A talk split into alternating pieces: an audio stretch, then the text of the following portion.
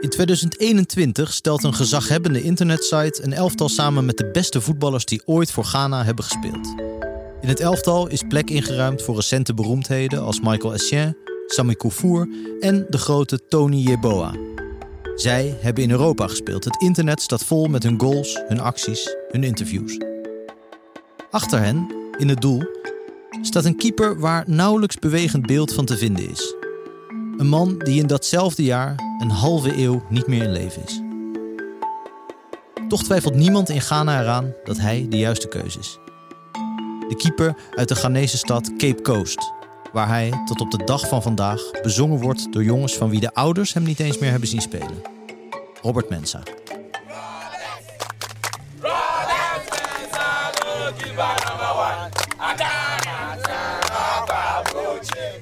Mijn naam is Frank Heijnen, schrijver en journalist. Misschien ken je me van mijn columns in de Volkskrant, van mijn verhalen in Hard Gras, van mijn boek Buiten de Lijnen of van mijn rubriek in Studio Voetbal, het eindsignaal. Al jaren ben ik gefascineerd door de uitzonderlijke levensverhalen van voetballers van over de hele wereld. Veel van die verhalen hebben een plek gekregen in mijn boek, Buiten de Lijnen.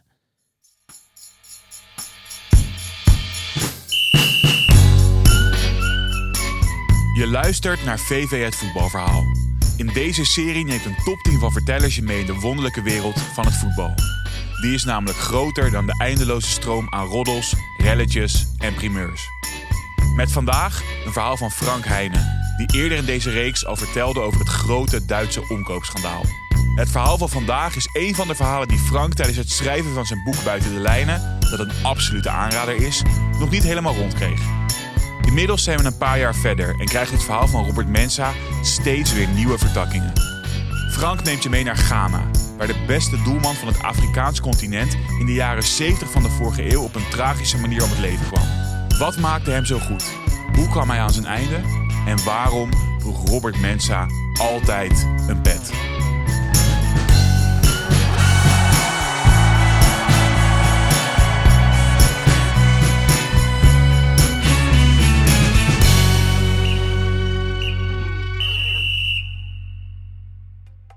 Bij leven was Robert Mensa al een legende. En elk jaar dat zijn gewelddadige dood dieper in het verleden komt te liggen, verandert die legende meer en meer in een mythe. De mythe van een grote, indrukwekkende figuur. Met een bruin-wit geruit petje op. Een petje dat je eerder bij een oudere heer verwacht. Niet bij een sportheld. Niet bij Robert Mensa. Zijn verhaal wordt in Ghana nog regelmatig bestudeerd, genuanceerd en doorverteld.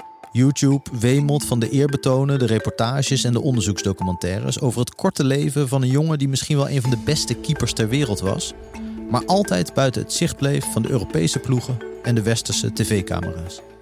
Een jaar na zijn dood al brengt de beroemde Ghanese muzikant Dr. Jesse met zijn band The Noble Kings een compleet album uit met nummers ter nagedachtenis aan de grote held van Asante Kotoko.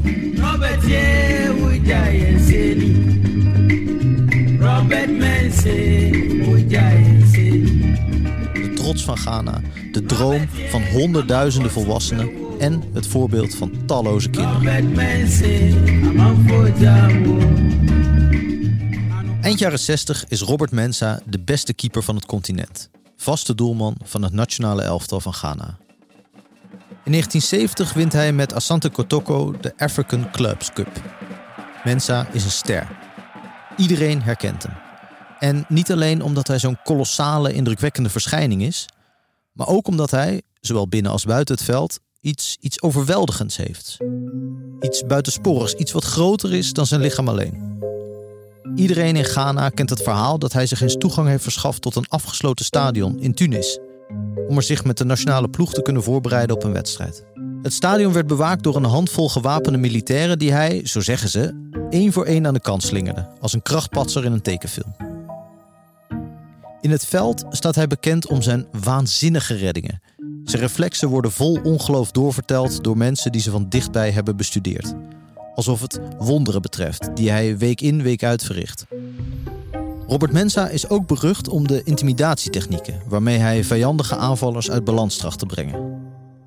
Zo schrikt hij er niet voor terug om, wanneer een spits van de tegenstander op zijn doel afgerend komt, die in verwarring te brengen door zich plotseling om te draaien. en de aanvaller zijn rug te tonen. Vrijwel elke speler raakt hier zo van in de war dat hij over de bal struikelt of het ding naast schiet uit een angst die hem uit het niets op de nek valt. In wedstrijden tegen zwakkere tegenstanders kan het voorkomen dat Mensa de bal naar de tegenstander gooit om maar iets te doen te hebben. En wanneer Asante Kotoko in de aanval is, kan het ook voorkomen dat Mensa zich optrekt aan de doellat, bovenop zijn doel plaatsneemt en een krantje uit zijn kous haalt. Om dat in alle rust te gaan zitten lezen. En dan is er de pet. Die pet die hij nooit, nooit, nooit afzet.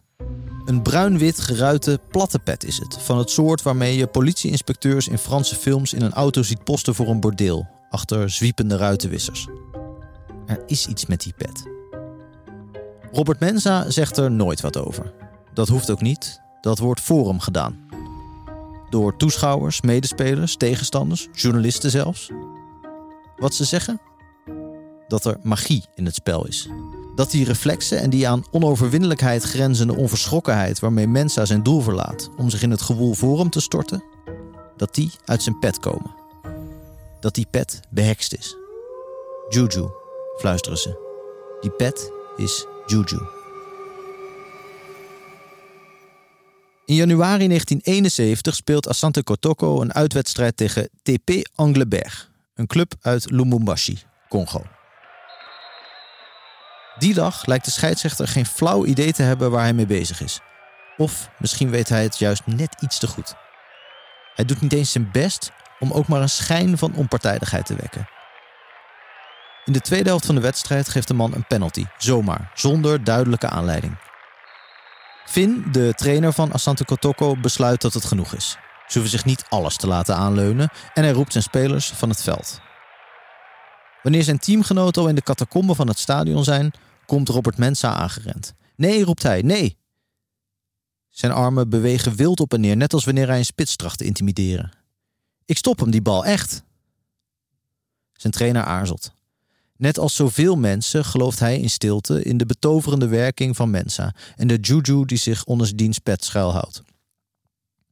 Hij weet dat het onzin is, natuurlijk weet hij dat, maar hij voelt iets anders. Wat hij zijn keeper elke dag ziet doen, dat kan toch niet helemaal en alleen maar menselijk zijn? Oké, zegt hij, we play. Mensa holt terug. Zijn medespelers volgen aarzelend in zijn kielzog. Zodra iedereen weer op zijn plek staat, loopt de scheidsrechter op Mensa af. Zet die pet af. Nee. Als je die pet niet afzet, dan staak ik de wedstrijd. Robert Mensa schudt zijn hoofd. Spelers van de tegenstander proberen Mensa de pet van het hoofd te trekken, maar slagen daar niet in. Dan gebeurt er iets wat niet helemaal in de lijn der verwachting ligt. Van de eretribune komt een man naar beneden. Hij klautert over de afrastering en rent het veld op. Het is de voorzitter van Asante Kotoko. Zonder de scheidsrechter een blik waardig te gunnen, spreekt hij langdurig tot Mensa. Als de man het veld verlaat, neemt Robert Mensa de pet van het hoofd en legt hem met een plechtig gebaar naast het doel, waar Congolese militairen het hoofddeksel aan hun bajonet rijgen en hem in de lucht steken. Een vlag, een trofee, een scalp. Het stadion juicht, nog voor de strafschop genomen is. Het fluitje van de scheidsrechter maakt een einde aan de vreugde. Het wordt stil in Lubumbashi. Penaltynemer Gagogo neemt een aanloop en schiet. De bal vliegt, zuist dwars door de stilte in de richting van het doel. En verdwijnt twee meter over de lat. Het is een van de laatste triomfen van Robert Mensa. Tien maanden later is hij dood. Op 27 oktober 1971 verliest Ghana met 0-1 van Togo en plaatst zich niet voor de Afrika Cup. Geen mens kan zich herinneren wanneer dat voor het laatst is voorgekomen. De Afrika Cup is Ghana's domein. Op de Engelse Wikipedia-pagina worden de jaren 60 van dit toernooi voorafgegaan door het kopje Ghana's Domination. Het land haalde vier keer op rij de finale, al won het slechts één keer. De kranten schrijven de volgende dag artikelen vol rouwbeklag en verbijstering. De nederlaag tegen Togo zal de Ghanese geschiedenis ingaan als The Day Ghana Stood Still. In de nacht die volgt op dat ontluisterende verlies verdringt Robert Mensa zijn teleurstelling in thema. In een cafeetje dat Bar Credo heet. Kort na middernacht wordt hij herkend door drie mannen, voetbalfans. Ze zijn kapot van de nederlaag en dronken. Wat er dan precies gebeurt, zal in de halve eeuw erna nog talloze malen worden gereconstrueerd in talloze artikelen, documentaires en boeken over het leven en dood van de beste Ghanese keeper aller tijden. Hoe dan ook, er wordt gescholden, geduwd, getrokken, eerst binnen, daarna buiten. En het volgende moment ligt de beste doelman van Afrika in het steegje achter Barcredo. Hij is in zijn buik en ribben getroffen door een gebroken fles. Dader is een jonge elektricien genaamd Isaac Melfa. Nog even probeert Mensa zich op te trekken aan een watertank die rood kleurt van het bloed dat door zijn kleren heen stroomt. Maar al snel verliest hij het bewustzijn en valt neer. Na de aanval in Barcredo leeft Mensa nog een week. Er is sprake van dat zijn club Asante Kotoko hem naar Europa laat vliegen voor de beste medische behandeling. Maar zover komt het niet. Als hij eenmaal sterft op 32-jarige leeftijd, laat Robert Mensa een echtgenote achter, een aantal kinderen en een land in paniek. Mensa's vrouw is op het moment van diens overlijden weer zwanger. Zes maanden. Als gevolg van de stress die hij ondervindt, wordt het kindje korte tijd later al geboren. Veel te vroeg. Een jongetje, weer. Het kind overleeft ternauwernood, maar komt lichamelijk beperkt ter wereld. Zijn naam is Kofi Anto. Wanneer journalist Sadiq Adams in 2022 een documentaire maakt over leven en dood van Robert Mensa, keert hij terug naar de plek in thema waar zich destijds Bar Credo bevond. Een stil buurtje, een zanderig straatje. Few meters away from the popular Credo Bar, where the late football legend Robert Mensah had sat with his friends to take uh, bottles of beer after playing on this Varco field. And it is reported that the late Robert Mensah had rushed to his attacker who had stabbed him around this area. And he was rushing onto De watertank staat er niet meer. Adams spreekt de eigenaresse van de bar, een bejaard dametje in een gele jurk.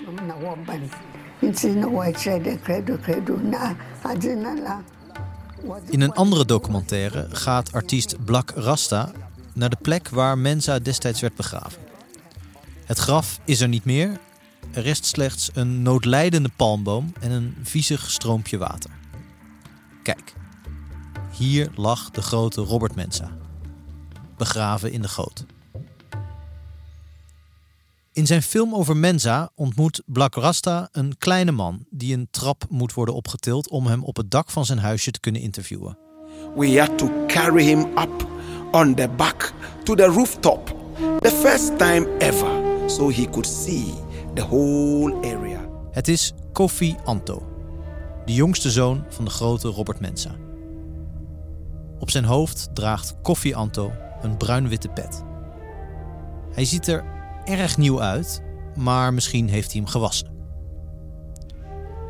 Kofi Anto vertelt over zijn vader, van wie hij zoveel gehouden heeft. Ook al heeft hij hem nooit gekend. Over zijn leven, over alle beperkingen, over alle gebrek en over hoe het anders had kunnen lopen als hij een vader had gehad. Black Rasta vraagt hem of het zijn vaders pet is. De beroemde, behekste pet van Robert Mensa die hij daar op zijn hoofd draagt. Koffie Anto knikt van ja. Heb je ooit overwogen hem te verkopen? vraagt Rasta. De pet van de great Robert Mensa, de Juju Hat. Dat kan een hoop opleveren. Obi base or toa, obe toa mano. Deebi, anyị nụkwara. Rastafari. na, na, um, Nee, zegt Koffie Anto. Hoe weinig geld hij ook heeft, hoe zwaar het leven hem ook valt, die pet verkoopt hij nooit. Het is alles wat hij nog van zijn vader heeft. Een paar maanden na dit gesprek sterft Koffie Anto. Het leven met alle gebreken was te zwaar voor hem geworden.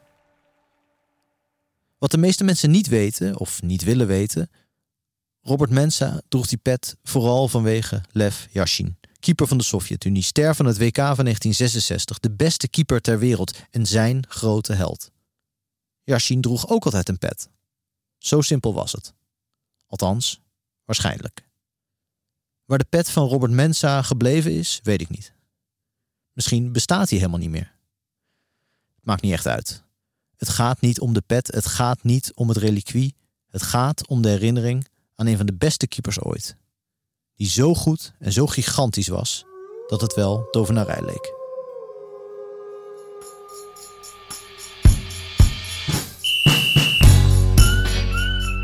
Heb je genoten van dit verhaal? Deel de podcast dan met je familie en vrienden. Zo help je ons enorm en kunnen we deze mooie verhalen blijven vertellen.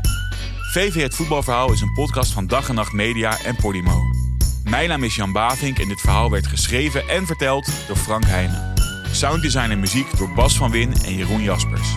Volgende week woensdag staat er weer een nieuw waargebeurd voetbalverhaal voor je klaar. Tot dan kan je luisteren naar onze eerdere afleveringen. Check bijvoorbeeld het verhaal van Dave Albers met straatvoetballer Izzy Hitman. De bedenker van de moeilijkste truc ooit, de AK 3000.